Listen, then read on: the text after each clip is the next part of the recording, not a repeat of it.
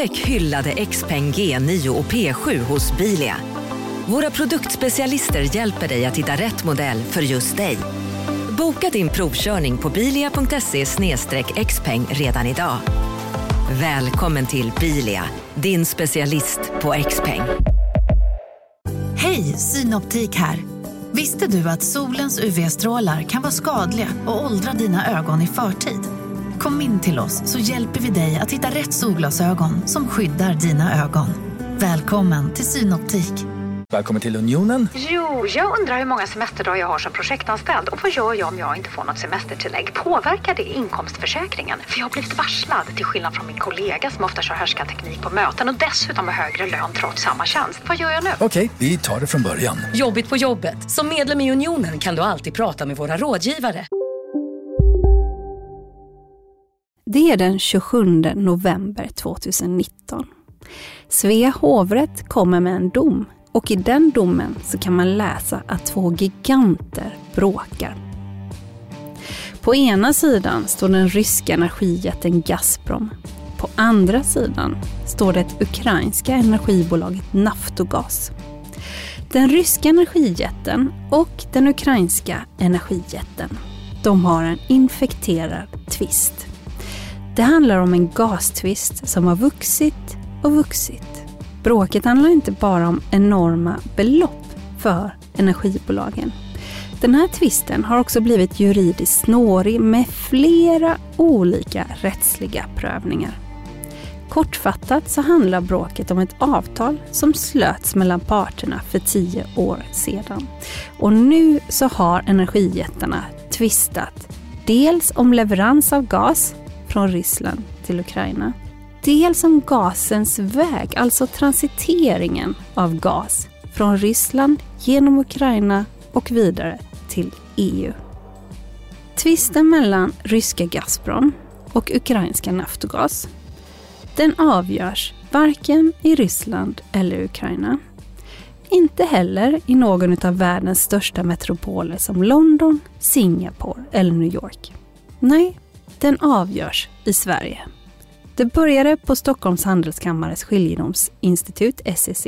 Men eftersom Gazprom inte tyckte det var bra, det man kom fram till där, så vände man sig till Svea hovrätt. Jag heter Helene Rothstein och du lyssnar på podden Affärsvärlden Magasin.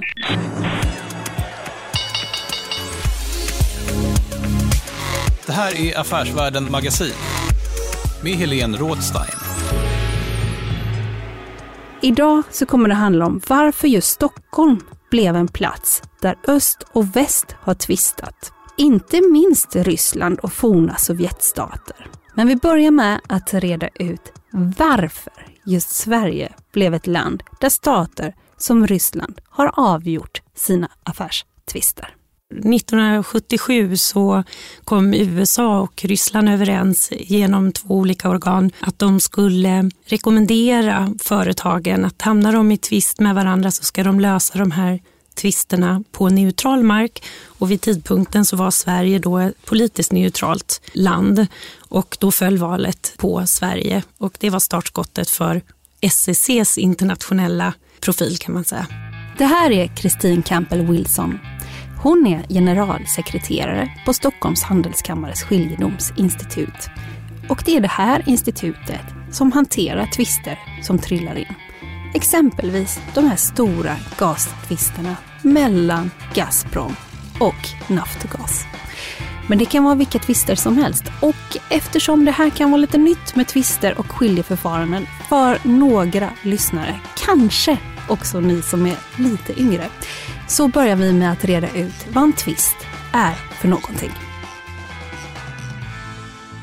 En tvist är eh, sannolikt, eh, eller främst, en dispyt mellan två företag som har ett avtal. Det kan vara leveransavtal eller köp och sälj eh, av tjänster eller produkter. Och så är man oense om till exempel om det har varit leveransproblem, vem som ska stå för kostnaden för förseningar och så vidare. Och så ser parterna inte på den här frågan på samma sätt. Och då har det uppstått en tvist.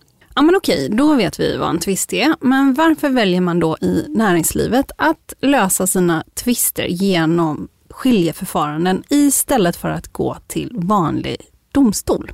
Man kan säga att det finns flera olika skäl till det där, men det vanligaste är ju att man tycker att det går mycket fortare, vilket det oftast gör. I domstolsväsendet så tar det ofta många år. Man kan få en tingsrättsdom och sen så är man missnöjd med den och så ena parten överklagar. Skiljeförfarande är ett eninstansförfarande där parterna får sin sak prövad vid ett tillfälle och det går inte att överklaga i sak. Sen är det sekretessbelagt och det kan ligga många företag varmt om hjärtat att man inte vill älta med sin, sina tvister eller sina dispyter inför allmänheten. Det går fort också, det är väl det viktigaste. Och man kan påverka processen. Man påverkar kompetensen hos de som dömer i tvisten genom att man får vara med och utse de som ska döma i tvisten. Det är ett alternativ till allmän domstol. Det här är ju alltså någonting som parterna väljer. Det är ingenting man kan tvinga fram hos en motpart utan parterna har oftast kommit överens om det här i sitt avtal när de ingår avtalet.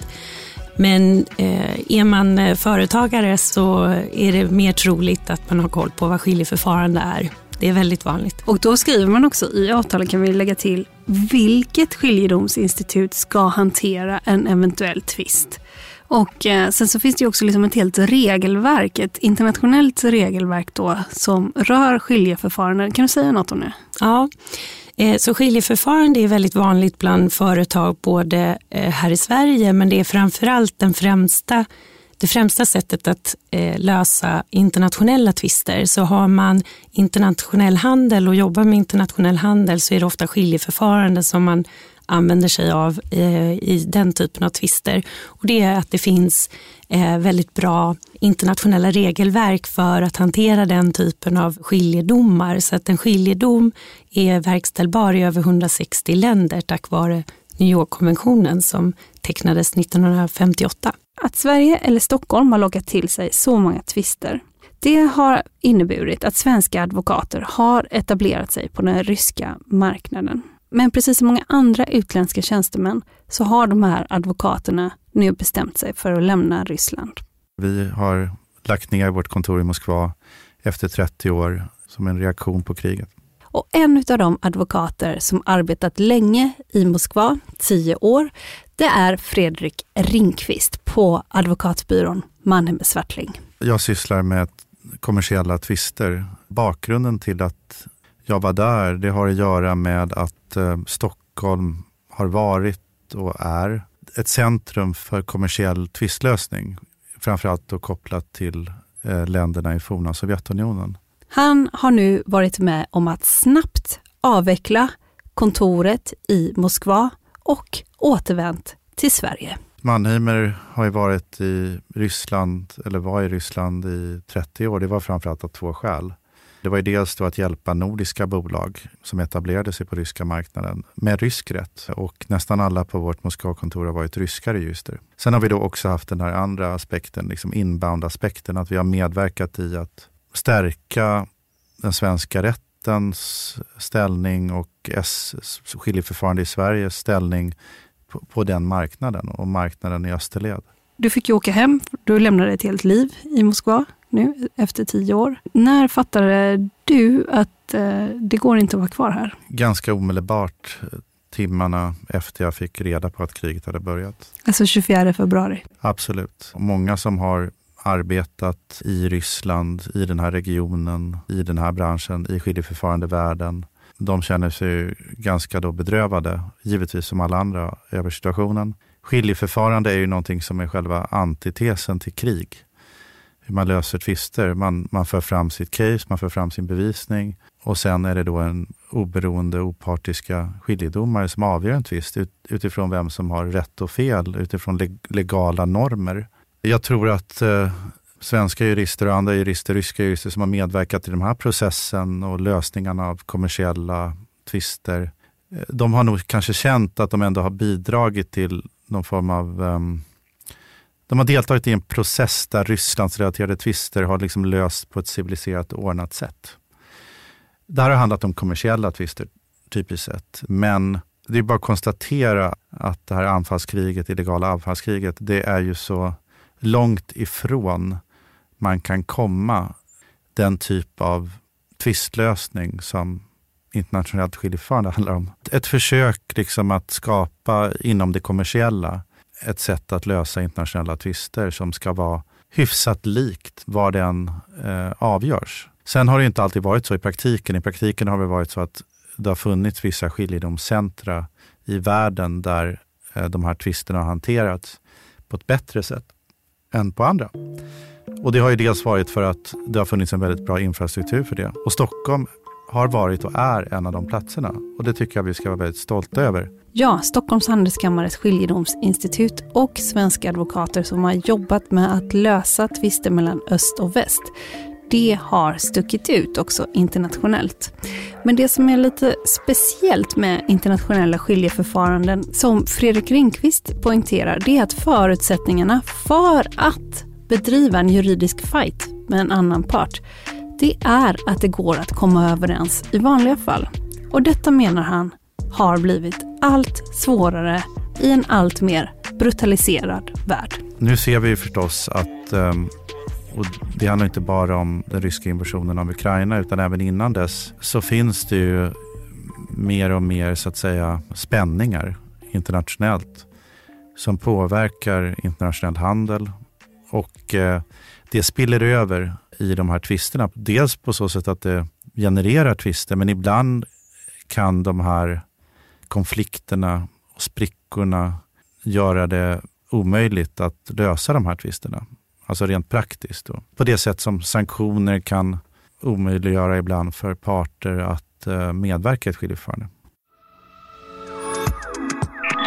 Du lyssnar på Affärsvärlden Magasin med Helene Rådstein.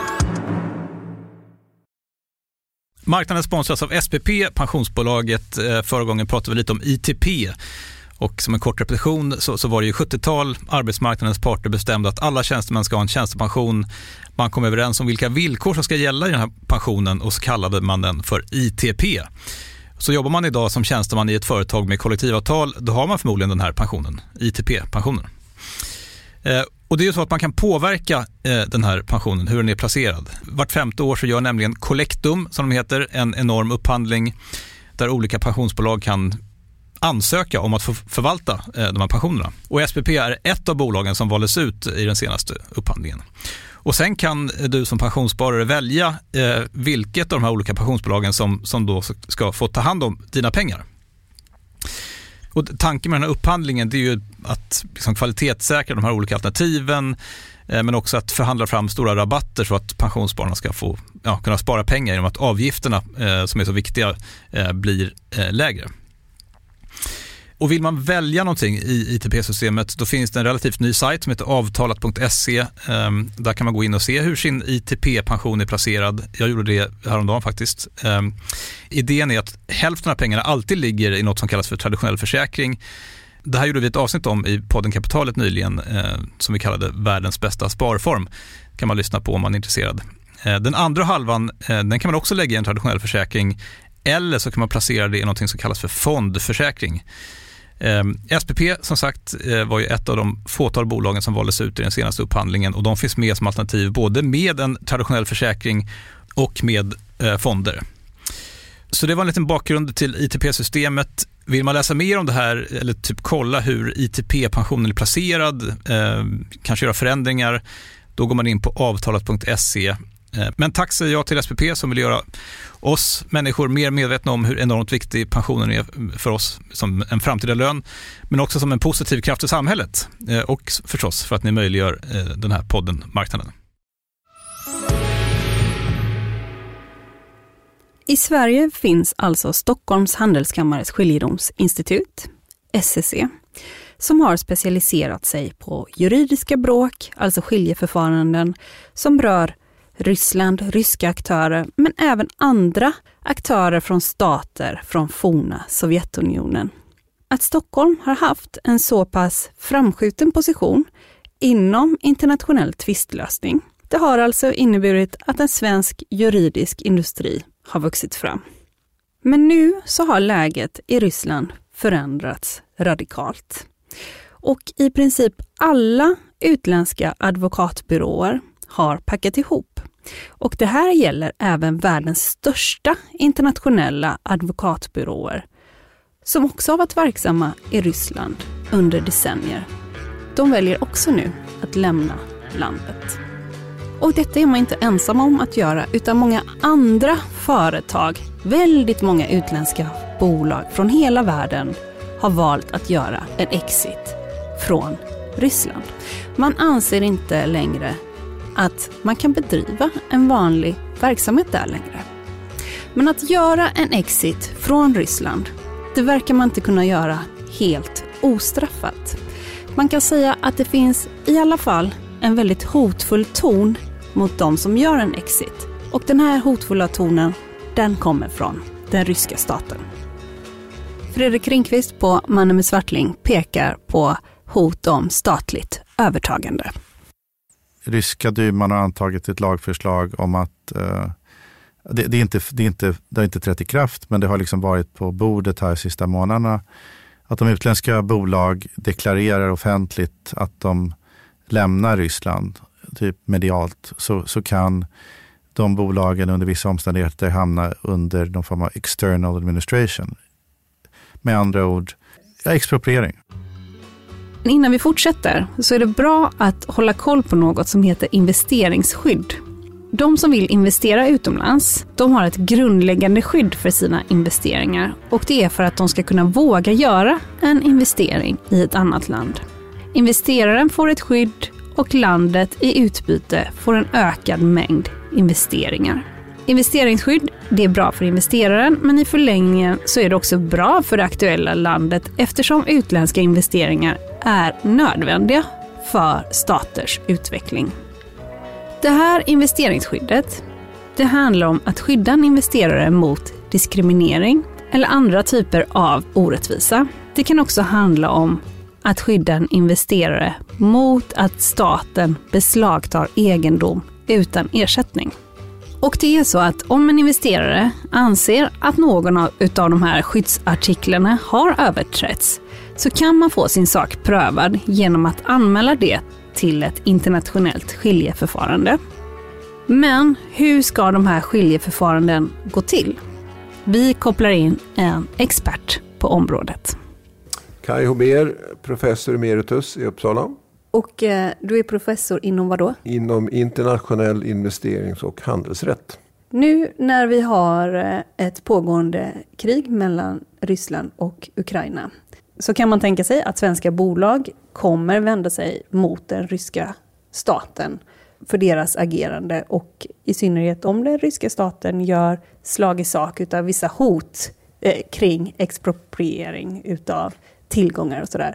Vad kan hända här framöver? Ja, för det första ska man komma ihåg att det finns ju vad jag vet ingen lag än i Ryssland som är antagen av duman som det har annonserats om att det kanske blir. Möjligtvis ligger ett förslag som jag inte tror är antaget. Så steg ett att lagen ska antas. Steg två att man faktiskt ska göra någonting i enlighet med lagen. Och beroende på vad lagen säger då så kan de åtgärder som ryska staten gör i förhållande till svenska och andra utländska företag innebära att det de gör strider mot investeringsskyddsavtal som Ryssland har ingått. Det kan till exempel vara rättfram expropriation. Det vill säga ryska staten säger nu tar vi över det här företaget eftersom ni har lämnat landet. Det kan vara andra åtgärder som gör att bolagets verksamhet inte kan bedrivas som var tänkt från början. Så att staten alltså genom andra åtgärder än expropriation underminerande ekonomiska förutsättningar för verksamheten. Det kan också strida mot ett sådant här investeringsskyddsavtal. Men det är viktigt att komma ihåg att alltså, det finns ingen enkel definition av de här sakerna. Utan allting som en skiljedomstol då, enligt de här avtalen möjligtvis kan komma att ta ställning till. Det beror på vad som händer i det enskilda fallet. Därför att de här investeringsskyddsavtalen är ju avfattade kan man säga i ganska så allmänna ordalag. Man talar om expropriation, man talar om fair and equitable treatment, man talar om diskriminering. Men det måste ju till fakta för att man ska kunna bedöma om det verkligen är en, diskriminer en diskriminerande verksamhet eller om det är expropriation. Men det finns alltså redan idag när det gäller Ryssland i förhållande till många länder, inklusive Sverige, ett regelverk i form av de här investeringsskyddsavtalen som kan komma att tillämpas. det finns vissa regler kring handel som rör också då i synnerhet investeringar i det andra landet. Jo, de här investeringsskyddsavtalen som, nam, som framgår av namnet är ju avsedda då framförallt för att skydda utländska investeringar i respektive land. Eh, avtalen ingås då två stater emellan. Låt oss ta Sverige och Ryssland som exempel. I de här avtalen så lovar då Sverige och Ryssland att man ska behandla investeringar från Sverige respektive Ryssland på ett visst sätt. Den viktigaste bestämmelsen är ett skydd mot expropriation. Och den investerare, låt oss säga en svensk, ett svenskt företag som vill använda sig av ett sånt här avtal. Han kan då, trots att företaget inte är part i den här traktaten, eftersom det är mellan två stater, så kan han alltså utnyttja den här skiljeklausulen. Och om han anser att hans, hans investering har exproprierats så kan han alltså påkalla ett skiljeförfarande enligt med den skiljeklausul som finns i traktatet mot Ryssland. Så det är alltså ett diagonalt avtal kan man säga i, i så mått att den som drar nytta av det är en part, företaget, som inte är part i själva traktaten. När det är två bolag som tvistar, då misstänker jag att det är enklare än när ett land och ett bolag eller två länder tvistar. Vad säger du om det? Ja, enklare kan man kanske säga generellt sett. Men det beror ju helt och hållet på tvistens karaktär. Vad man tvistar om. Det finns många kommersiella tvister eh, som är nog så komplicerade. Eh, alltså mellan två företag. För det jag tänkte på är att då handlar det kanske bara om pengar. Men om ett land är inblandat så kommer plötsligt politik in på ett hörn. Eller det kan komma in andra motiv som försvårar. Så tänkte jag. Ja och nej. Jag tror även i investeringstvister så handlar det oftast om pengar. Det mesta i livet handlar ju trots allt om pengar, även sådana här tvister. Och jag säger det därför att de allra flesta tvister, alltså investeringstvister, uppstår i en situation där investeraren, företag, har bestämt sig för att lämna landet på grund av det som har hänt. Så i regel ser de ingen framtid i landet och därför vill de ha ersättning för det de har förlorat. Men i vissa fall är det så att de vill fortsätta och vara kvar i landet. Och då kommer ju kanske, då är det inte bara fråga om pengar. Men även i de fallen så är det också frågan om pengar. Du har nog också rätt i och för sig att själva förfarandet i investeringstvister kan vara lite mer komplicerat i det att det tar längre tid. Eh, vilket är ganska naturligt i och för sig när man har med stater att göra. De är inte riktigt lika snabbfotade som företag är. Men tvistens karaktär är inte nödvändigtvis mer komplicerad bara för att det är en investeringstvist. När då vi har ett läge här i Ryssland där det är många utländska bolag och många svenska stora bolag och inte minst faktiskt det kontor som du var med och byggde upp en gång i Moskva. Alltså mannen med Svartlings kontor har ju bestämt att dra sig ur landet. Mm. Hur känns det förresten för dig? Ja, alltså det känns ju tråkigt. Eh, och inte bara det faktum att kontoret har stängt men hela situationen är fullständigt tragisk. Och jag har ju många vänner och kollegor både i Ryssland och Ukraina såklart som är förtvivlade. Ehm, så det, det är sorgligt. Du var också med då, tänker jag, när Sovjetunionen föll och när det fanns ett himla hopp om marknadsekonomi mm. som spirade. Hur tänkte du om Ryssland då och vad tänker du nu? Ja, jag var ju med Alltså jag kan nog säga från 1987 och framåt så har jag varit, fram till år 2000 väldigt engagerad i olika ryska ärenden och projekt. Och jag var med då 91, 92, 93 och privatiserade hela ryska ekonomin. Som, som juridisk rådgivare åt Chubais som var ja, privatiseringschef kan man säga. Ehm, så då, och det finns mycket att säga om privatiseringen. Det, det är många, de allra flesta tycker det är bara eh, en stor olycka. Ehm, det tycker inte jag och det sköttes inte eh, korrekt på alla sätt. Och framförallt den sista delen av privatiseringsprogrammet blev helt fel. Men, eh, Vilken är den sista delen? Ja, den sista delen är det som kallas för Loans for Shares. Där alltså ryska staten eller ut, utgångspunkten för privatiseringen från början var inte att staten skulle få in pengar. Utan utgångspunkten var att restrukturera, omstrukturera den ryska ekonomin. För att få privata ägare. Eh, vilket lyckades då, får man säga, på några år. Vilket i sig är en skulle jag påstå, en världshistorisk bedrift att göra det. Låt vara de, med de skavanker som fanns. Men det som fick det hela att gå överstyr, skulle jag säga, det är det här Loans for Share som innebar alltså att för att i princip finansiera återvalet av Jeltsin så behövde staten få in pengar. Och då lånade man pengar av de personer som redan då var oligarker eller oligarker i vardande. Mot att de oligarkerna fick äh, aktier i bolag, äh, statliga bolag som säkerhet. Och sen kunde såklart staten inte betala tillbaka de här lånen. Och på olika mer eller mindre riggade auktioner så blev alltså de här oligarkerna då superoligarker. Khodorkovsky, Berezovsky, Potanov, Mischa Friedman, eh, Piotr Raven, många av dem. Och det var då, då gick det riktigt utför.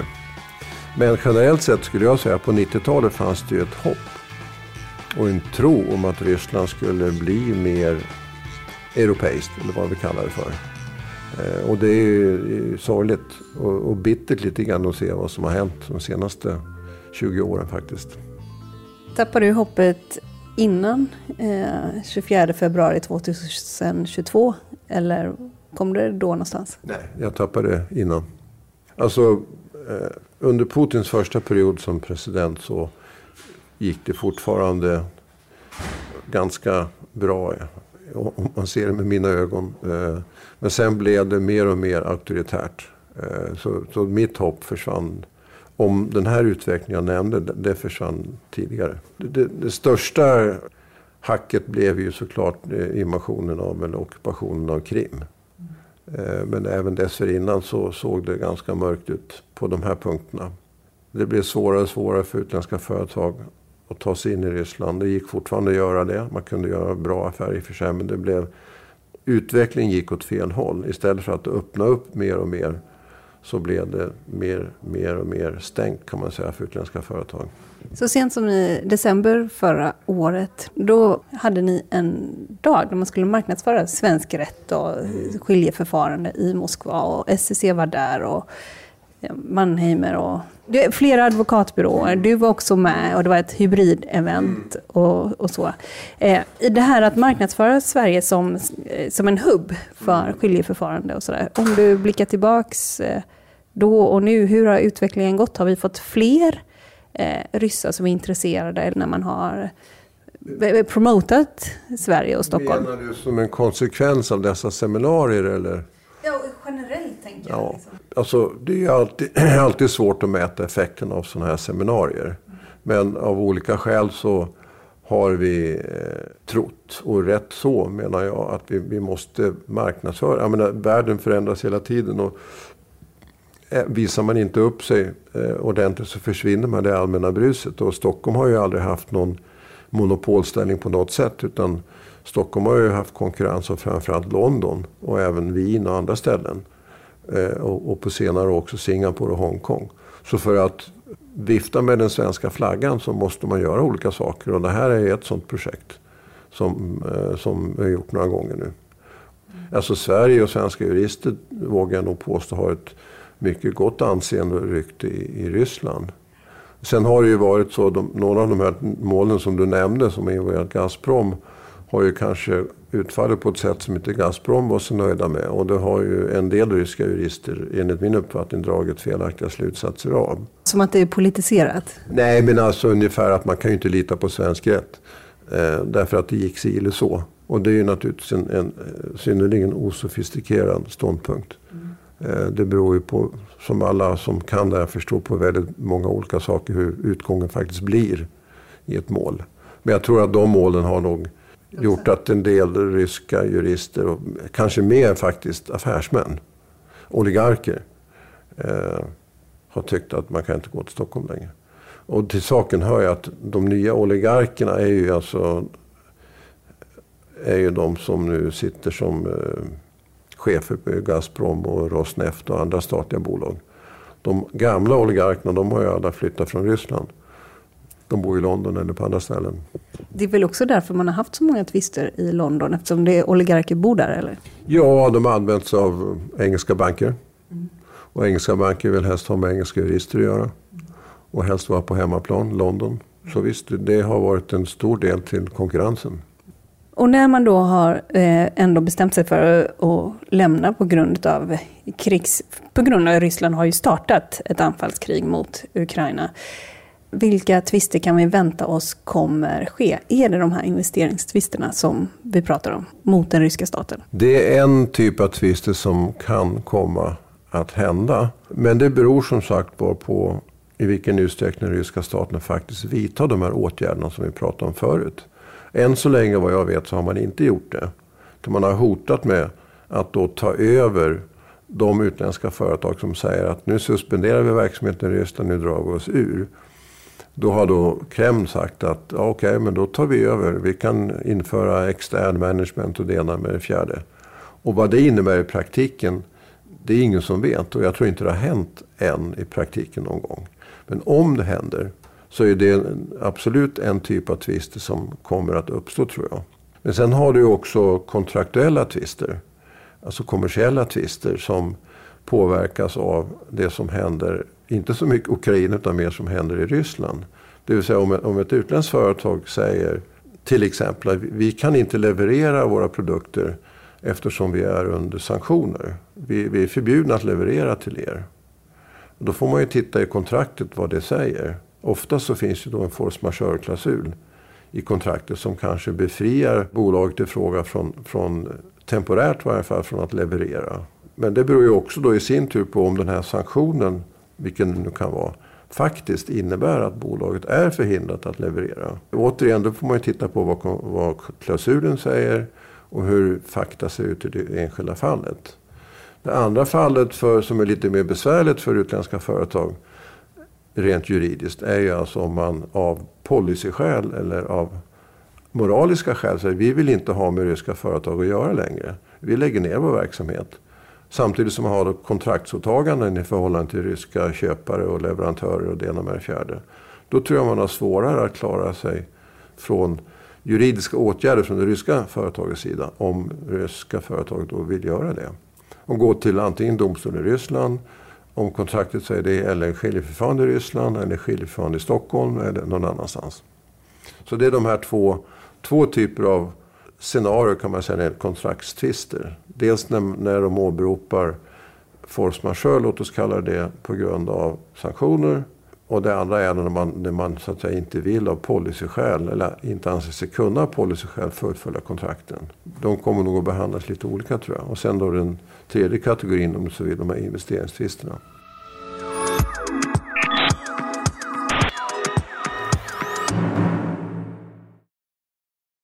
Eh, marknaden sponsras av Karla. Eh, vi pratar ju en hel del om bilar här på kontoret. Eh, Karla har ju skapat, skulle jag säga, det som är standarden för hur man idag köper och säljer bilar på nätet. Kort bakgrund bara. Karla säljer och leasar begagnade elbilar och laddhybrider på karla.se. Alltså en helt digital upplevelse. Och man har gjort det här med ett nästan maniskt fokus på vad en bilköpare faktiskt behöver. Jag gjorde ju en intervju med en av grundarna, Patrik Illerstig, i marknaden här eh, ganska nyligen, eh, daterad 25 mars, om man vill lyssna på den. Eh, men där berättar han hur de kom in i det här lite från vänster för att försöka uppfinna hela den här liksom bilköpupplevelsen från början. Och de har idag, vilket är rätt otroligt, 4,8 i betyg eh, på Trustpilot. Jag, jag har sett många företagssidor på Trustpilot, men det här är nog bland eh, det bästa jag någonsin sett eh, faktiskt. Man kan sälja bilen till Karla också. Eh, då går man in på karla.se, delar lite info om bilen, sen får man en gratis värdering och ett bud. De hämtar bilen helt gratis i hela Sverige och så har man pengarna på kontot i samma stund som de hämtar bilen. Det är grymt. Eh, så ska du köpa en ny bil eller sälja din gamla, eller båda delar för den delen, gå in på karla.se och eh, kolla. Alltså karla.se och Karla stavas med C. Tack så mycket till Karla. Fredrik Ringqvist från Mannen med Svartling, han pratar om flera olika typer utav rättsliga efterspel. Det finns ett enormt ekonomiskt efterspel eh, rättsligt möjligt som ett resultat av kriget. Inte bara i investeringstvister utan en mängd andra typer av förfaranden. Och det är ju någonting som har pågått under väldigt många år. det är ett ansvar som någon rysk stat rimligen förr eller senare måste fullgöra. På så sätt att man måste sannolikt för att släppas in i det finrummet igen i framtiden, vad säger man, the international community, så måste man nog göra rätt för sig enligt eh, ekonomiskt i förhållande till Ukraina. Ödeläggelsen är ju total. Då menar jag inte bara rent mänskligt utan även rent ekonomiskt. Så, så det är ju en konsekvens som någon gång måste hanteras av Ryssland. Ryssland kan väl idag liksom skjuta det framför sig. Men, men någon gång är det nog någonting som den ryska staten behöver hantera. Rättsliga efterspelet har väl väldigt många olika fronter. Det finns väl ett rättsligt efterspel vad gäller krigsbrott eh, och eh, andra möjliga jurisdiktioner. Men om vi talar då om eh, investerare eh, med den ekonomiska sidan så eh, Ryssland har ju enligt bilaterala investeringsavtal en skyldighet att acceptera skiljeförfarande.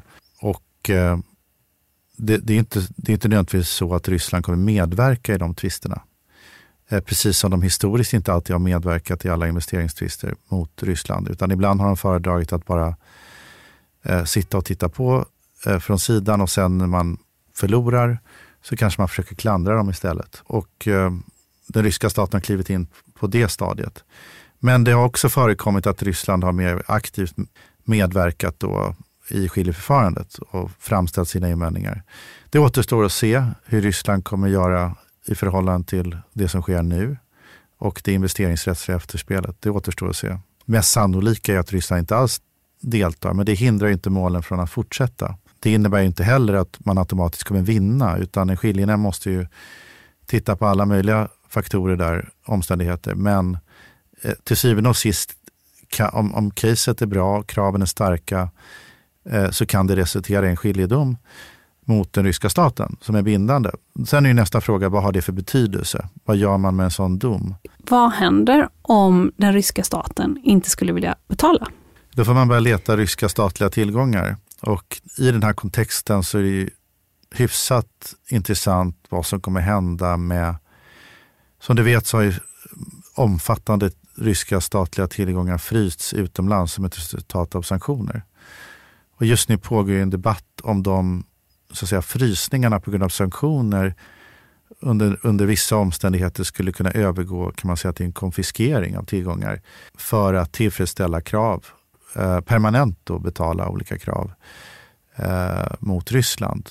I den kontexten pratar man framför allt om krav som ukrainska staten har eh, i anledning av liksom lidande, både materiell och eh, mänsklig eh, återuppbyggnad etc. Det, det pågår aktiva diskussioner om det.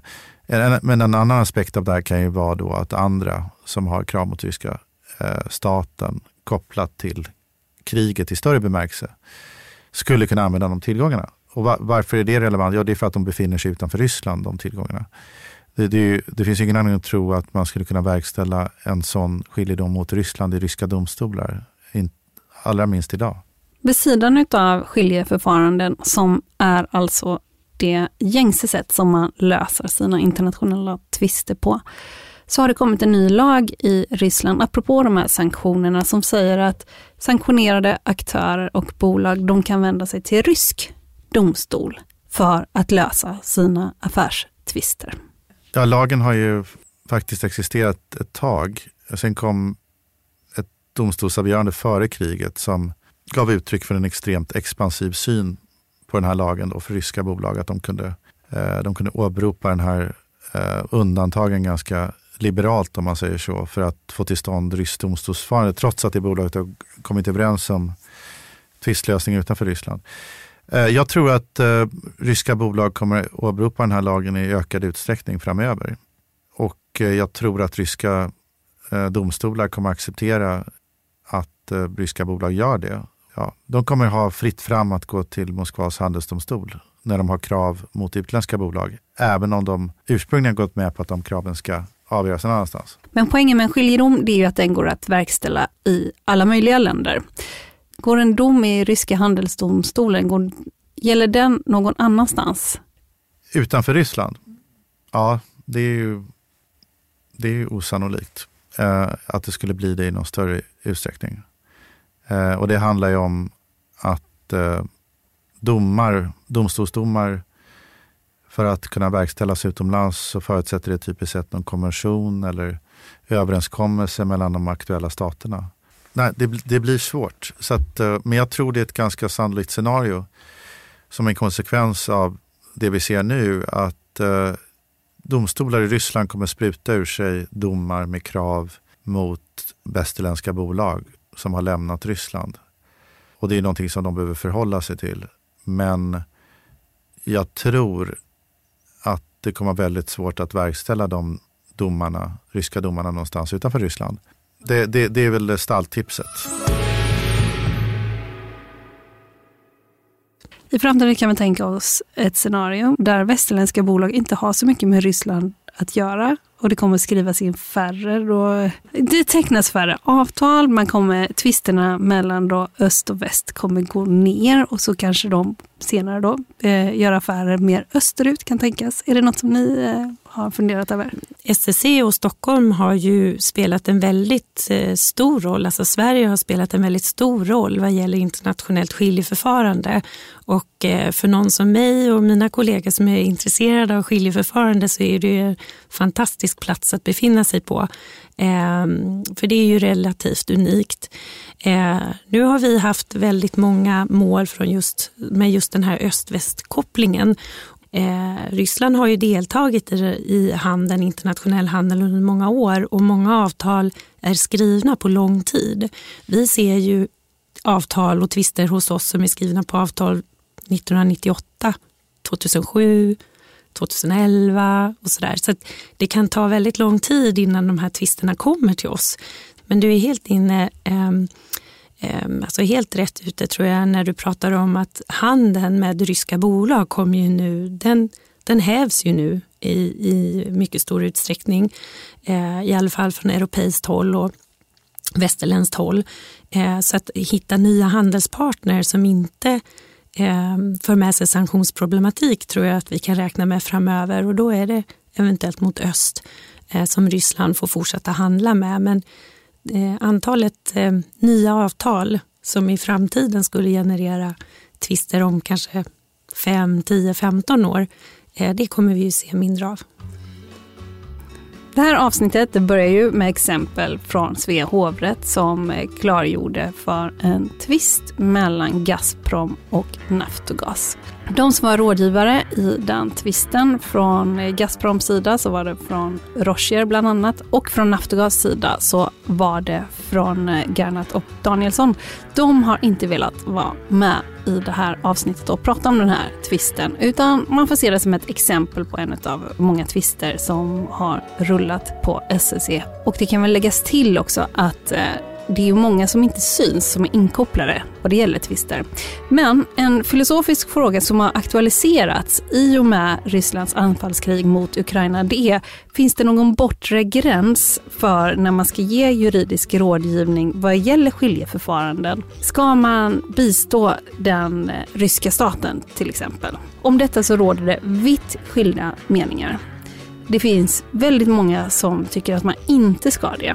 På Mannen med svartling till exempel så har man numera ett beslut där man inte ger juridisk rådgivning åt ryska parter och det beror på, enligt Jan Dernestam som är managing partner där, att det kan vara ganska svårt att härleda vem som äger ett bolag i slutändan. Det är en långsiktig hållbarhetsfråga helt enkelt, säger han. Men på andra sidan så finns det då Kai Hober som var med och etablerade Moskva-kontoret för Mannen med svartling som numera är professor och som är anlitad åt Gazprom för att lösa en tvist. Och han resonerar på ett helt annat sätt. Du är ju faktiskt själv också inblandad i en tvist som har satts på paus. Tvisten är mellan det schweiziska bolaget Nord Stream 2 AG som är ett schweiziskt bolag men som ägs till 100% av Gazprom. Och de, eller säga vi eftersom jag företräder dem, eller företrädde innan det blev vilandeförklarat, har då påkallat ett skiljeförfarande mot EU. Som då har, i anledning av de sanktioner som Nord Stream eh, och dess management blev utsatta för, har vilandeförklarats. Men hur är det då som skiljeman när allting pausas? Jag tänker att eh, man, man kommer heller inte vidare på något sätt. Ingenting, eftersom det är pausat. Alltså problemet är ju att eh, bolaget kan inte utföra och inte motta betalningar. Så verksamheten är, är stoppad. Eh, och nu har det då tillsatts en så kallad administratör, ungefär konkursförvaltare, eller inte riktigt, men i Schweiz. För att se vad som kommer att, eller ska hända med bolaget. Va, vad handlar hela tvisten om? Det är komplicerat, men eh, det handlar alltså om i vilken utsträckning en av EU införd ändring i det så kallade gasdirektivet ska tillämpas i förhållande till Nord Stream 2. Vi säger att det inte ska det. Och vi säger att det, det är en, det EU har gjort, utfärdat den här eh, ändringen av gasdirektivet, det är åtminstone en diskriminering av, e, av Nord Stream 2 i förhållande till andra gasledningar eh, som kommer till EU utifrån. För till exempel Turkiet, eller vad ja, Algeriet och ja. framförallt. Och Nord Stream 1. Det finns en Nord Stream 1 som går från Ryssland till eh, ja, Tyskland i princip. Som då enligt EU då inte omfattas av den här ändringen. Men Nord Stream 2 skulle göra det. Och vi, vi säger då våra inlagor, jag kan säga det här därför att allting är publikt. Vi säger att det här är en diskriminering av Nord Stream 2. Det kan vi tillägga att det avgörs inte hos SCC, utan det avgörs vart då någonstans? Det avgörs i ett så kallat ad hoc-förfarande. Eh, där, där platsen för förfarandet faktiskt är Toronto, av alla ställen. Eh, på grundval av de så kallade UNCITRAL-reglerna som är ett, ett slags ja, skiljedomsregler som är framtagna av FN-organ kan man säga. När tror du att ni är klara med det? Med det? Eh, ja du, det är en bra fråga. Eh, steg ett är ju att se hur det går med vilandeförklaringen. Eh, om mål kommer att fortsätta överhuvudtaget. Men vi skulle ha haft en förhandling i sommar. Som då har blivit inställd. Men jag, om målet fortsätter skulle jag tro att det kanske är klart om ett eller två år. Det har ju varit en debatt bland advokater som är knutna till eh, advokatbyråer. Mm. Där några har sagt att man ska företräda alla parter, mm. även Gazprom, även den ryska staten i det här läget. Och så har andra sagt nej det kan vi inte göra längre, nu räcker det. Hur resonerar du? Jag för min del hör nog till dem som tycker att man som advokat ska företräda parter. Ehm, och jag kan återigen inte svara på exakt i vilken utsträckning de sanktioner som finns faktiskt förhindrar advokater från att göra det. Jag är osäker på det. Jag tror inte det. Men eh, jag menar nog att eh, även ett ryskt företag måste ha rätt att få en bra representation i en tvist. Så att rättvisan kan ha sin gång. Eh, bara för att man är ryskt företag betyder inte att man har fel. Och det finns ju många ryska företag som inte har någon som helst anknytning till ryska staten. Så jag hör nog till dem som eh, tycker att man som advokat har närmast en etisk skyldighet att göra det. Sverige har alltså varit en plats där ryska staten och ryska bolag har kunnat försöka lösa sina affärstvister. Och detta har man gjort hos SCC. De här tvisterna de är hemliga. Men om en part är missnöjd med en skiljedom och anser att det har begåtts något formellt fel så kan man göra som Gazprom gjorde. Man klandrar domen genom att väcka talan i domstol. Och om skiljeförfarandet har ägt rum i Stockholm så görs detta i Svea hovrätt. Och i Svea hovrätt ligger i dagsläget ett tiotal pågående tvister där ryska bolag men även ryska staten är en av parterna. Debatten om advokater överhuvudtaget ska företräda ryska staten eller ett ryskt bolag. Det är inte en svensk debatt. Det har även varit en debatt i till exempel amerikansk och brittisk affärspress. Och det här gäller inte bara tvister utan också mer generell juridisk rådgivning. Men hur ser man då på att skiljedomar har klandrats till Svea hovrätt? Alltså att svenskt rättsväsende blir en plats för ryska aktörer och ryska staten att reda ut sina tvister på. Göran Söderström som är hovrättsråd vid Svea hovrätt han säger till mig att domstolens verksamhet den styrs av de lagar som gäller för skiljeförfaranden och att dessa lagar har inte ändrats. Han betonar också att ekonomiska sanktioner inte träffar själva domstolsprocesserna utan företag och personer som förts upp på en lista. Dessutom så har målen som nu ligger i Svea hovrätt påbörjats långt tidigare än krigsutbrottet.